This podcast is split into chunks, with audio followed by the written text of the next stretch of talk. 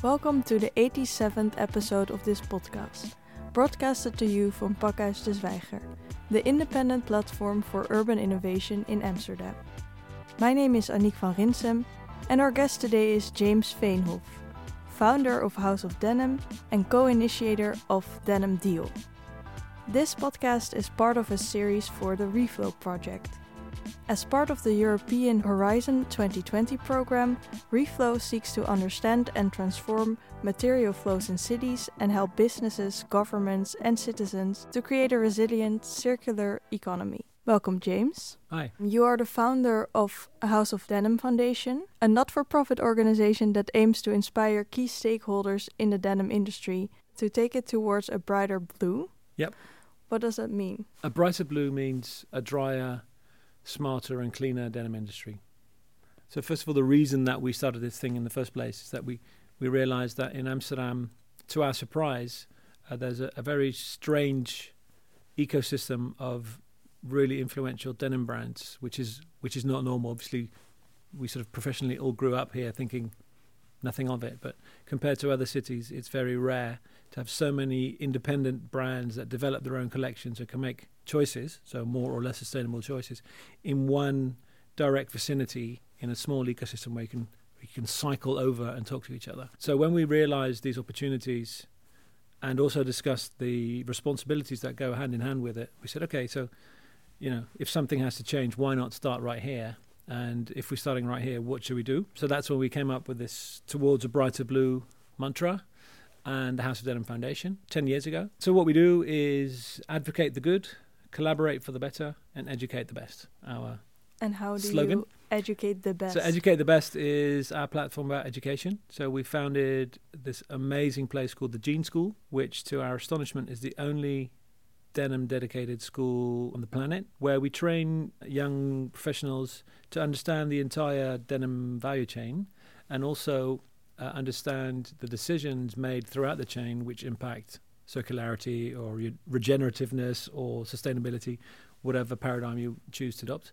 So, understanding all about the fibers, the cotton, the blends, the synthetic blends that go into cotton, the dyes, the weaving process, so spinning first, weaving, uh, cutting and sewing garments, laundry, finishing, trims, the marketing of it, and then also obviously after use, recycling it back into something we can use as a raw material. And at the time, everybody's like, "You're going to do what?" Uh, it's eight years ago, and they're like, "Okay, yeah, whatever, go for it."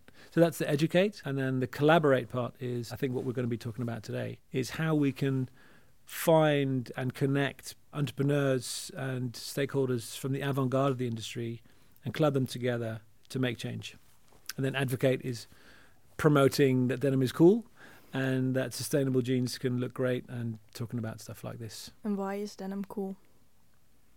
Denim, denim is cool because it, um, it, uh, well, for, first of all, it's uh, extremely practical, beautiful, and comfortable.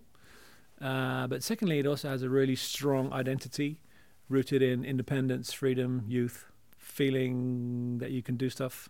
Sadly, denim is also really environmentally ugly, uh, so that's why we sort of bring these two worlds together. You know, like if you're talking about recycling plastics, yippee, recycling plastics. You know, recycling already quite serious. Plastics, pretty serious. If you're talking about jeans, at least you could think about, you know, wow, yeah, you know. How did you get involved in the textile industry? Um, I was actually uh, looking for a job in the consulting industry, and to pay the rent, I was um, doing odd jobs. And uh, one day, I was shifting heavy stuff at the soon-to-be headquarters for Pepe Jeans, and carrying heavy tables. I was in the elevator, talking to a, a bloke who turned out to be the CEO, who he offered me a job. And for some strange reason, I said, "Yeah, all right, I'll be there on Tuesday." And sort of that was my And what kind of job did you get offered? Actually, I started off with um, one of the least cool sounding jobs in the industry, which was calling retailers to tell them that they had to pay credit control. I was the guy calling retailers say, "Hey, you've ordered new jeans, you haven't paid for the last batch." Uh, but then, obviously, when you're talking to people, you hear, "Yeah, I haven't paid for them because they were all wrong, or they are ugly, or I can't sell them. I want something else." So actually, I learned a lot uh, as a marketing guy, which I am now. And when did you get interested in the environmental and social aspects of the textile industry and as a whole, the Hmm. world probably? Well, from from my job at Pepe Jeans, which became Tommy Hilfiger, I moved to a company called Moshi Moshi, which at the time was a really cool distribution company. At least we thought we were like super cool. We felt like a, a million dollars, and we started to develop our own brand, which is called Blue Blood. And uh, at the time, I also was the co-founder of the Amsterdam Fashion Week, so I became responsible for talking about positioning Amsterdam as a great place for fashion and opportunities and business development. So I was in a position that I was thinking and speaking independently about what's going on and where we should be going. And uh, as a sort of a normal, sensible grown up at the time, we started to realize it was the start of the rise of the circularity movement and, and, and Thomas Rau and Cradle to Cradle and uh, Greenpeace and the United Nations videos of polluted rivers and all that kind of stuff. And some of the most senior and inspiring people in the denim industry started to stand up and say, hey, you know, what the world needs is safe food and clean water. The world does not really need another pair of blue jeans. hmm This is a quote from Adriano Goldschmied, um, who's the industry guru par excellence. And and from there we said, okay, so okay, so great. So, you know, let's talk about how we can, you know, improve our opportunities and, and, and sort of go for it and at the same time be responsible. And um, interestingly, at the time, the the key ones were probably clean laundry because of the chemicals. It was like all about lots of water and chemicals being used.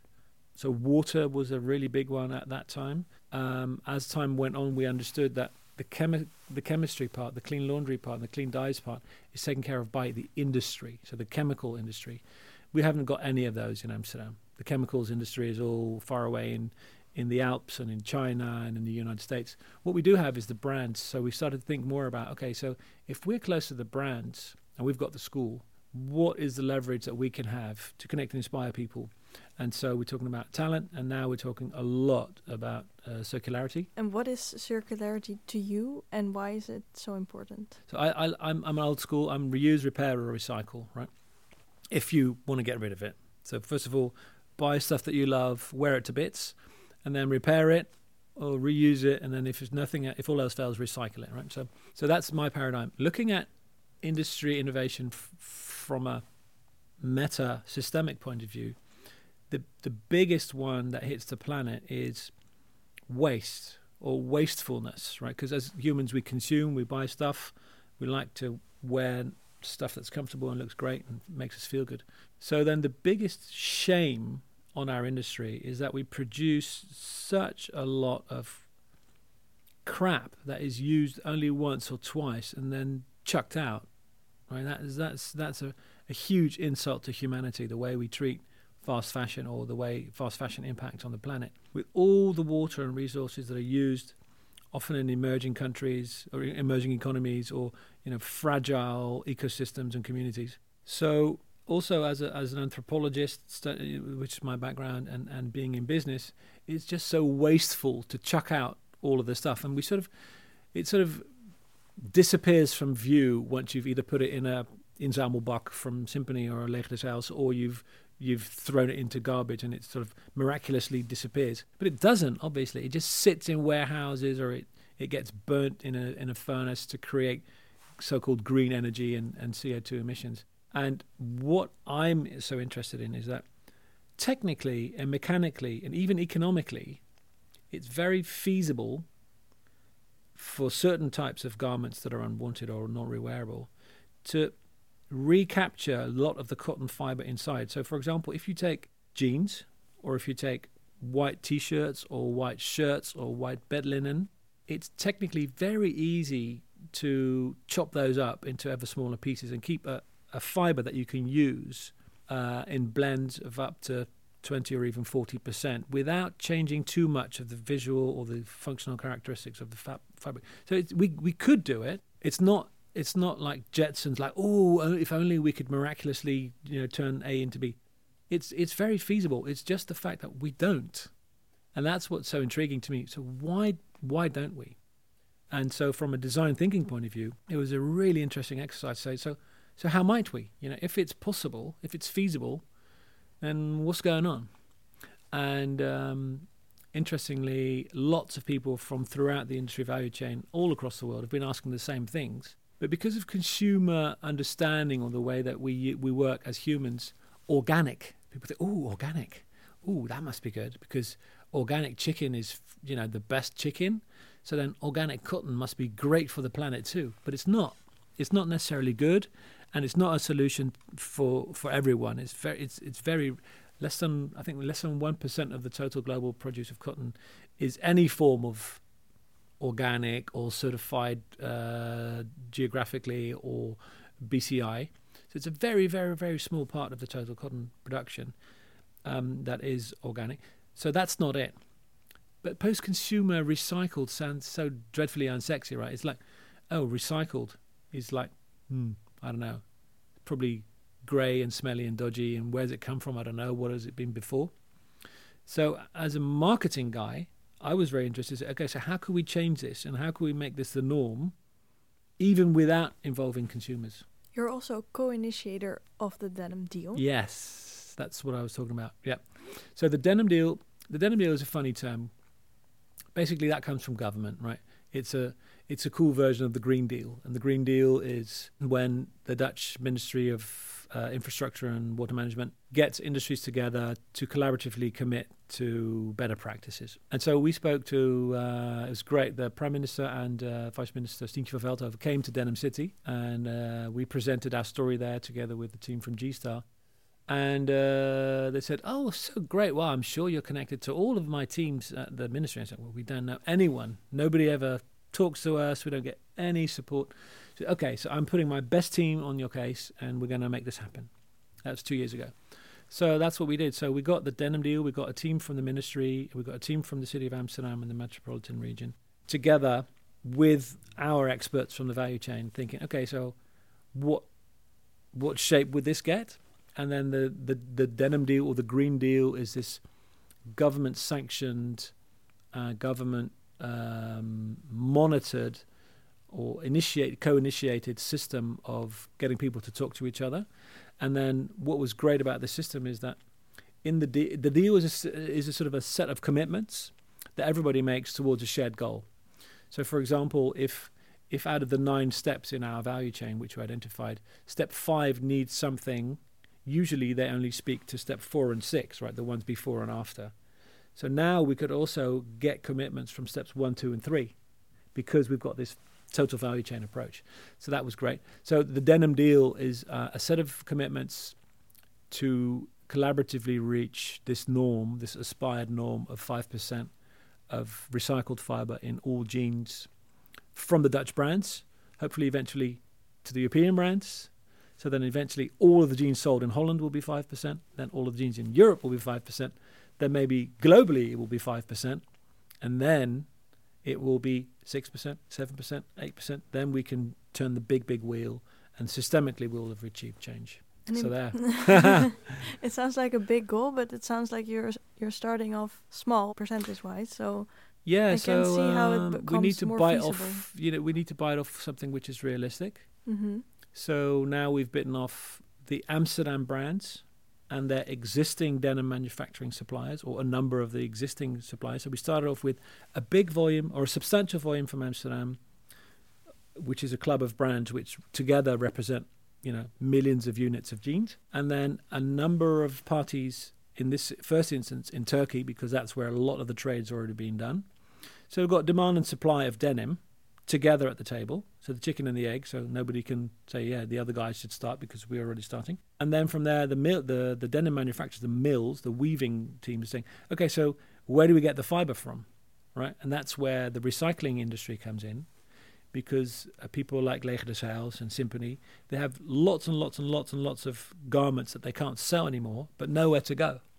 So now, if we manage to sort out the stuff that we can use, 100% cotton, preferably not in red and pink and yellow and green because that shows too much. So the denim colors of cotton, and we can get a substantial volume of demand, then the price for turning that into fiber will be very reasonable.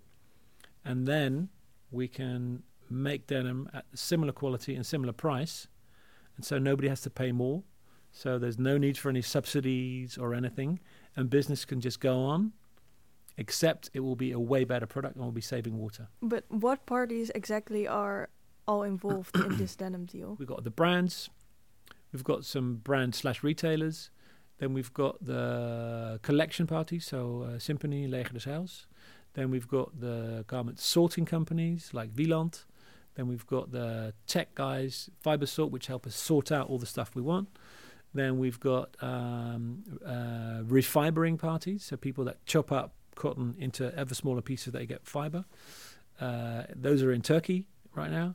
Then we've got the spinners and the weavers, and then the garment manufacturing, and then the brands, and then the retailers, and then we've closed the loop. And then governments, obviously, because the governments governments give us um, uh, mandate.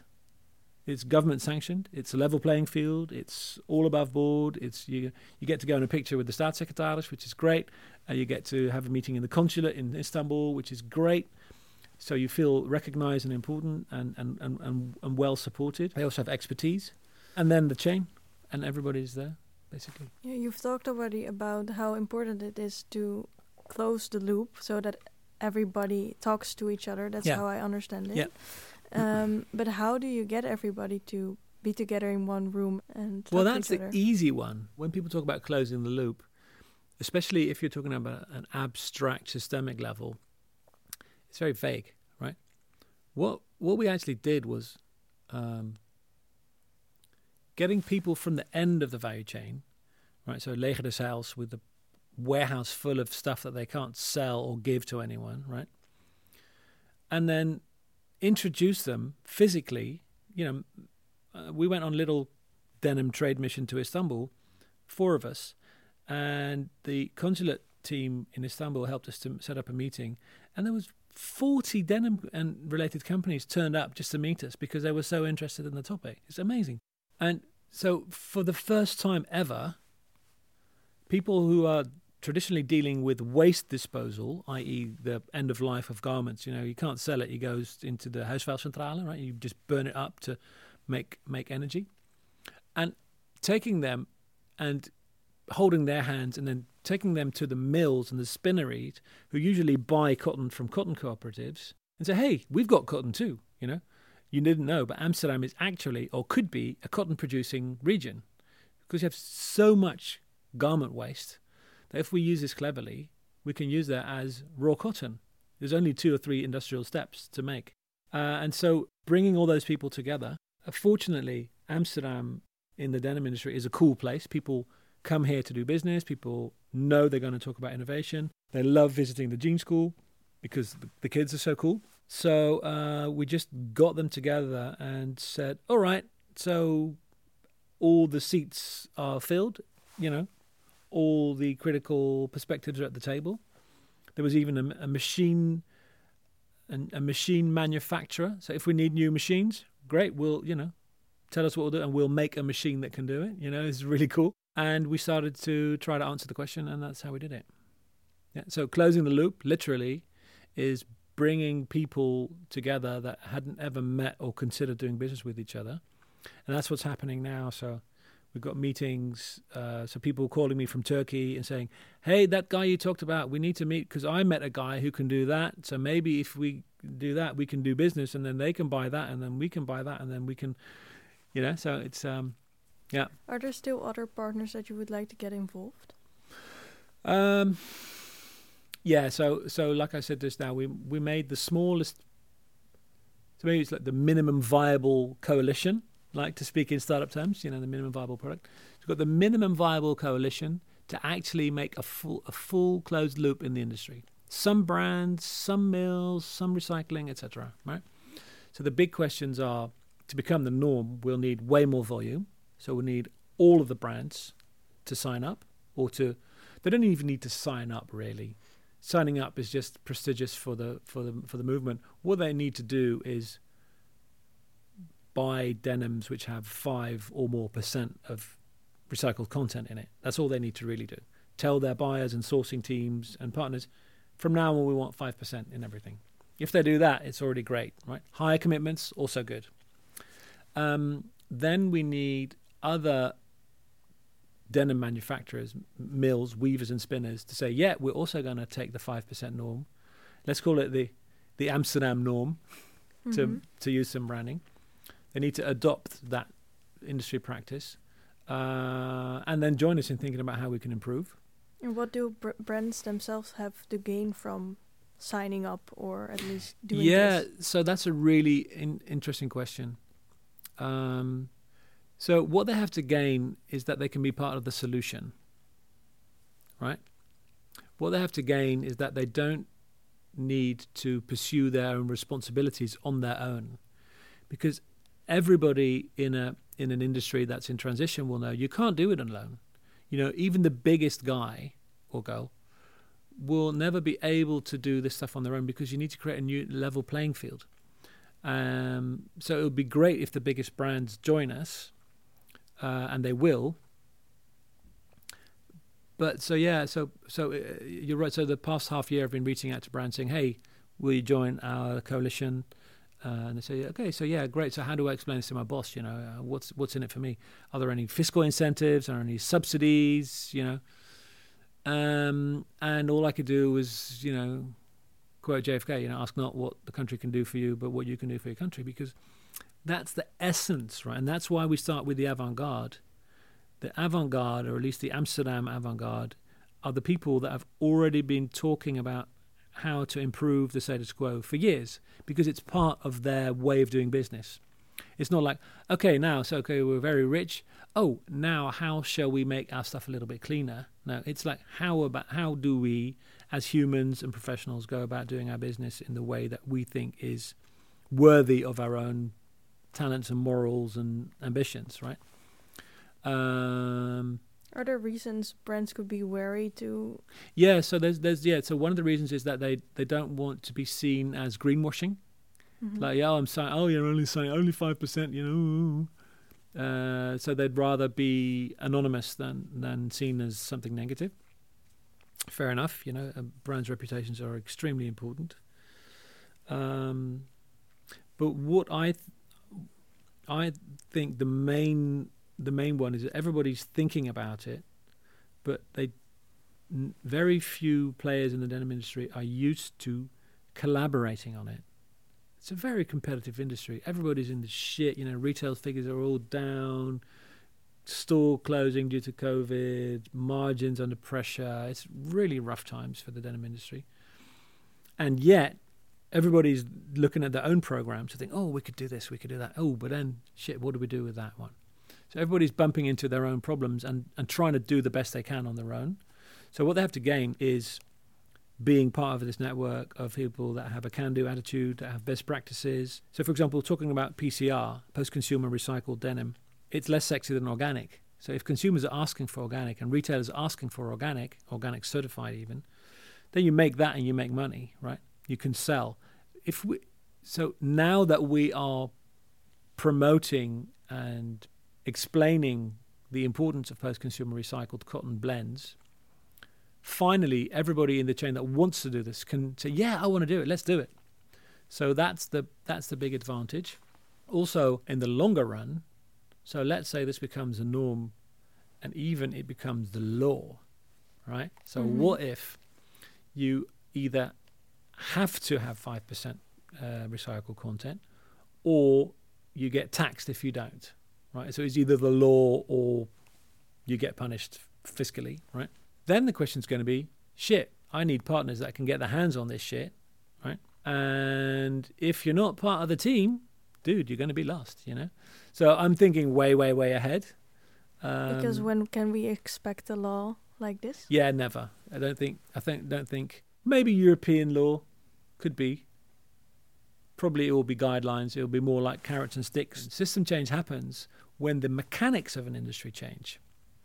And that's what we're trying to do in the denim mill to actually make the denim industry have a different business as usual. And interestingly, I was talking to um, some mathematicians today, right? People who do maths, mm-hmm. complicated mm-hmm. maths. And they're saying, yeah, actually, it's a systemic equation, it's a mathematical equation uh, it's uh, I can't repeat the formula, but they said if you want part of a system to change, the entire system needs to be seen in this different way. And so, one of the inversions, so one of the changes that you need to make, and they were taking uh, Airbnb versus hotels as a, as a, as an example, right? Usually, you would have like you'd invest like gazillions in a brand and a change of hotels, change of hotels, or you can make an app and the customers become the hotel, right? And so they're thinking in that way, right? And so interestingly, what it will take for this change is for brands to see each other not as competitors but as partners, and uh, for customers to see themselves not as customers perhaps but as competitors, right? So all of these redefinitions are part of the big change. It's really complicated to explain, but the good thing is, due to the denim deal and the projects that will be organized within the denim deal, we're getting really great entrepreneurs, really great thinkers, even maths people thinking about good old spijkerbroeken, good old jeans, which is great because it's a it's an iconic thing. It's a it's it's something we love, and something we can change. So the denim deal has been has allowed us to mobilize uh, people, you know, vice ministers and vice mayors and great people around the transition of the denim industry. And how do the specific yeah ideas come to be articulated in these mechanics, and like who actually decides what needs to be done? Yeah, so um, the last phase of our work. So the first phase was researching what could be done. Then the second phase was designing the mechanics of this sort of systemic change with the five percent and the twenty percent and what everybody should do, and getting people on board. The, the first coalition. And then the last six months, what we've been doing is identifying what everybody in those various steps needs to be able to do their part. And so that was a process of meetings and interviews and co creation workshops. And so now that is translated into the commitments, right? The commitments are now there. And now uh, what we need to do in the next step, and now that we've signed and formed this first coalition is to identify a number of projects. So, for example, one of the projects that I'm really excited about is talking to retailers and the logistics partners of the denim industry and saying, hey, what if we could come up with a shared return system, right? So, we, you know, in, in soft drinks you have uh, and beers you have uh, return crates and everybody knows what to do and there's a uh, statiegeld what if there was every delivery guy from UPS or DHL or whatever knows, oh, if I go to do deliveries at a fashion store, I can get a blue bag. And in the blue bag will be jeans, and they will have to go to head office. And all the head offices know, oh, there's a whole pile of blue bags. Send the truck over to to Wieland in Wormerveer where they will be sorted and recycled, or to Leger des Heils or to Sympany or whatever.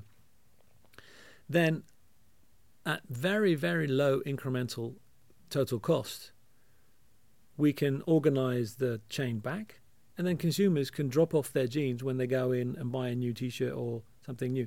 So there's a, a course of action or a handelingsperspectief for everyone.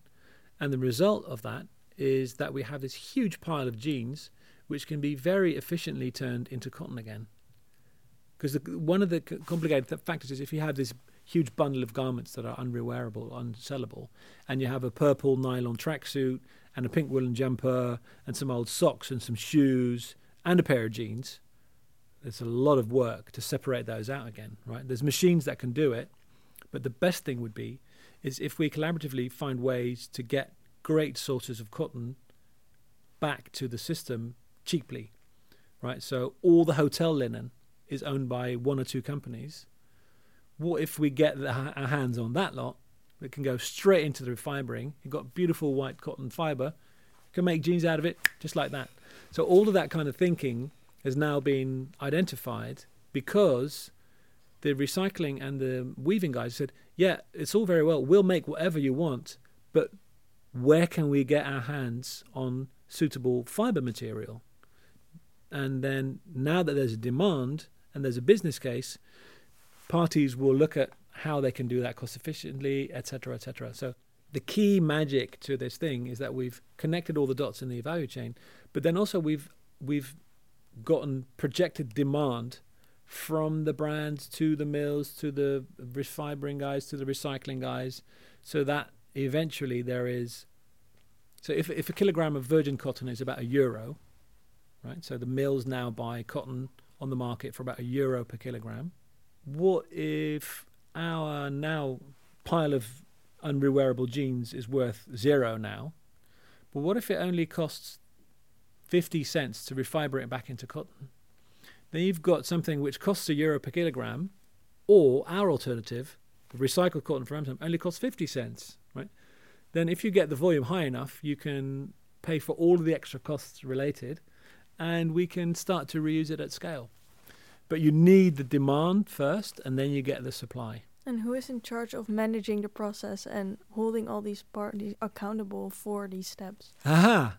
For now, until we come up with the formal structure, it's the Denim Deal team, which is the City of Amsterdam and the metropolitan area, and then people from the ministry. But they're all basically part of the project, but then probably their role will end at some point, except for the Amsterdam because they've committed to textile and recycling, so they'll probably stay on. Uh, but uh, operationally, it's, it's, it's, me and my team at the House of Denim because we're sort of the linking pin for now. Who's holding them accountable? That's something that we're going to design collaboratively, right? Because monitoring, you want an outside party to do the monitoring, right? You don't want to have to me to have to monitor you or you monitoring me. That's no good.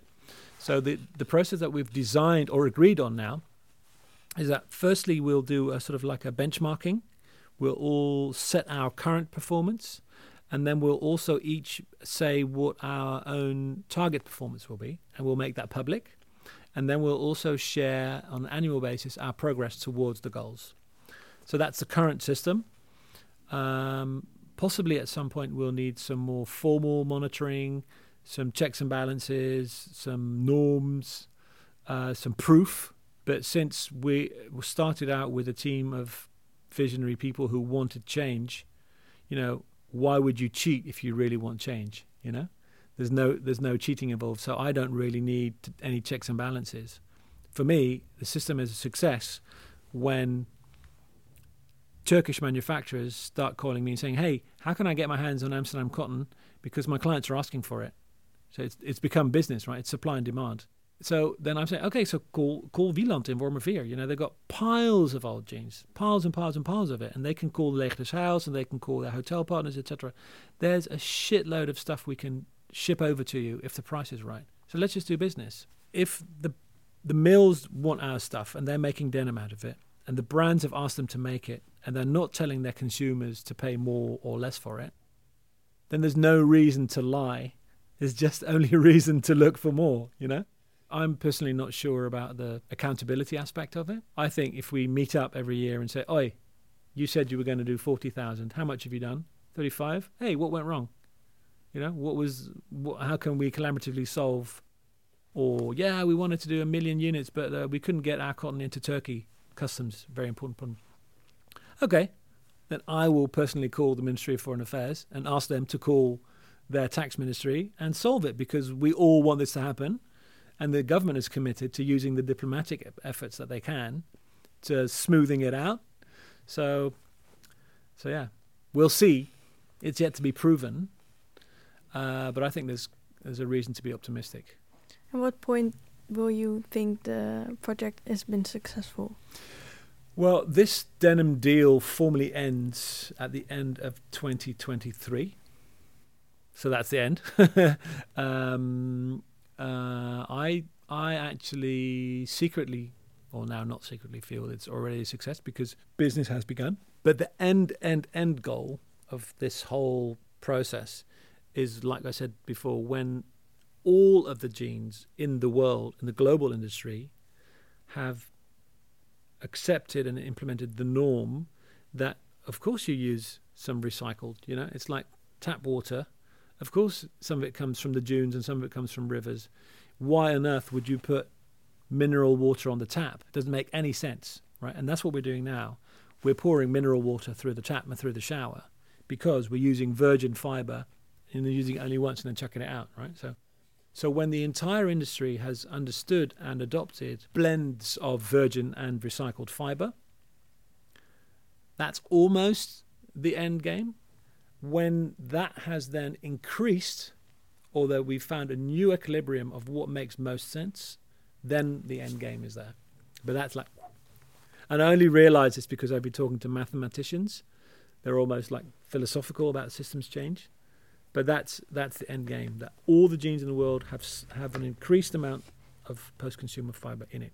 The REFLOW project is also developing a software to visualize material flows and facilitate a peer-to-peer economic network that helps circular practices. Do you think such software could help in the denim deal, and if so, how? So I've been focusing mainly on when stuff has no more value in wearing it, recycle it. Right, that's the sort of the basic paradigm starting point for this one. I would say that a peer-to-peer system is is more interesting when you're talking about swapping and sharing, which is a whole different area of the sustainability global debate.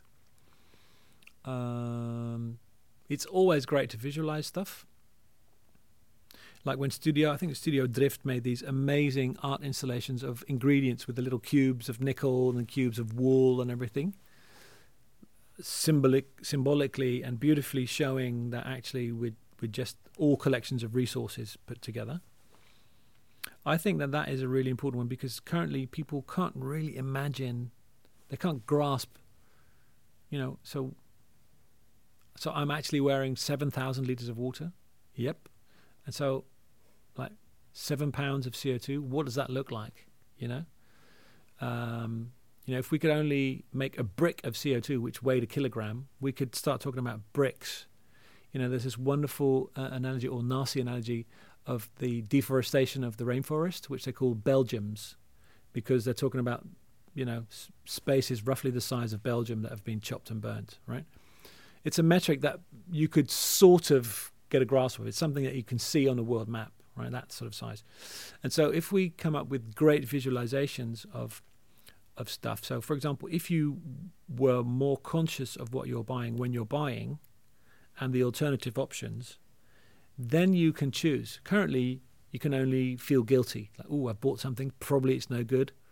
Oh, stiekem, I feel great. You know, it's like, oh, guilt.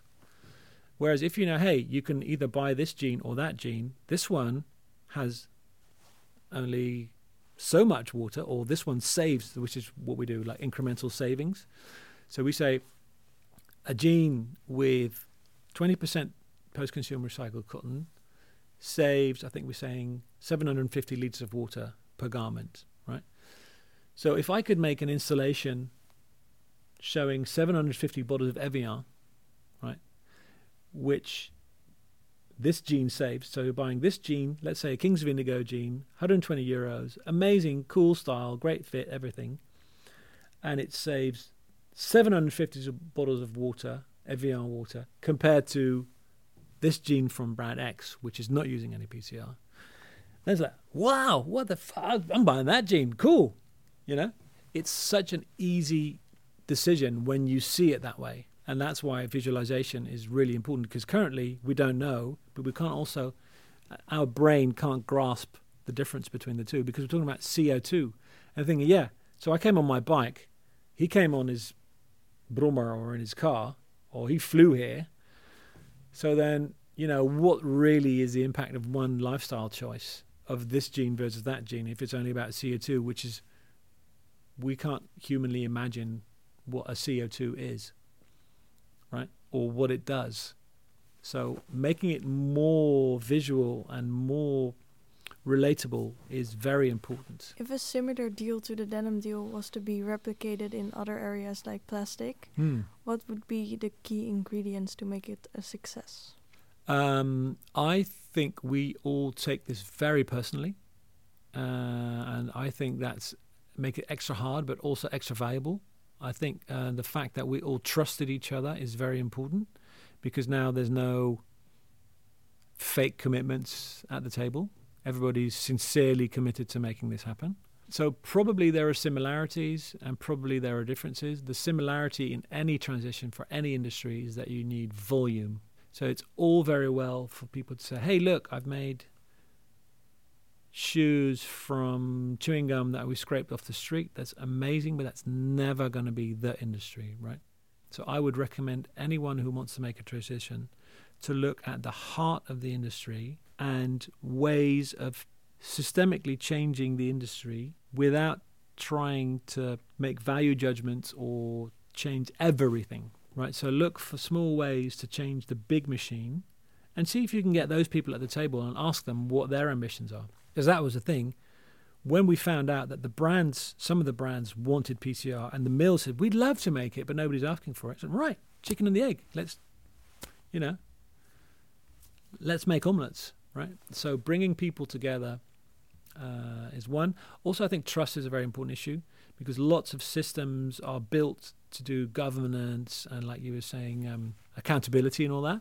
What, what if you start from the premise that people are good in essence and want to change?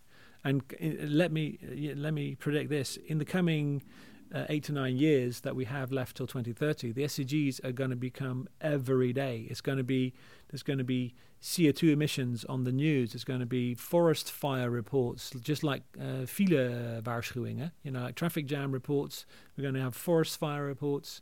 We're going to have smog reports, day-to-day normal normal lives. So improving and and and accelerating the transition um, is going to be more and more important. And I don't think that these sort of Tesla esque magical transitions are going to happen in many industries.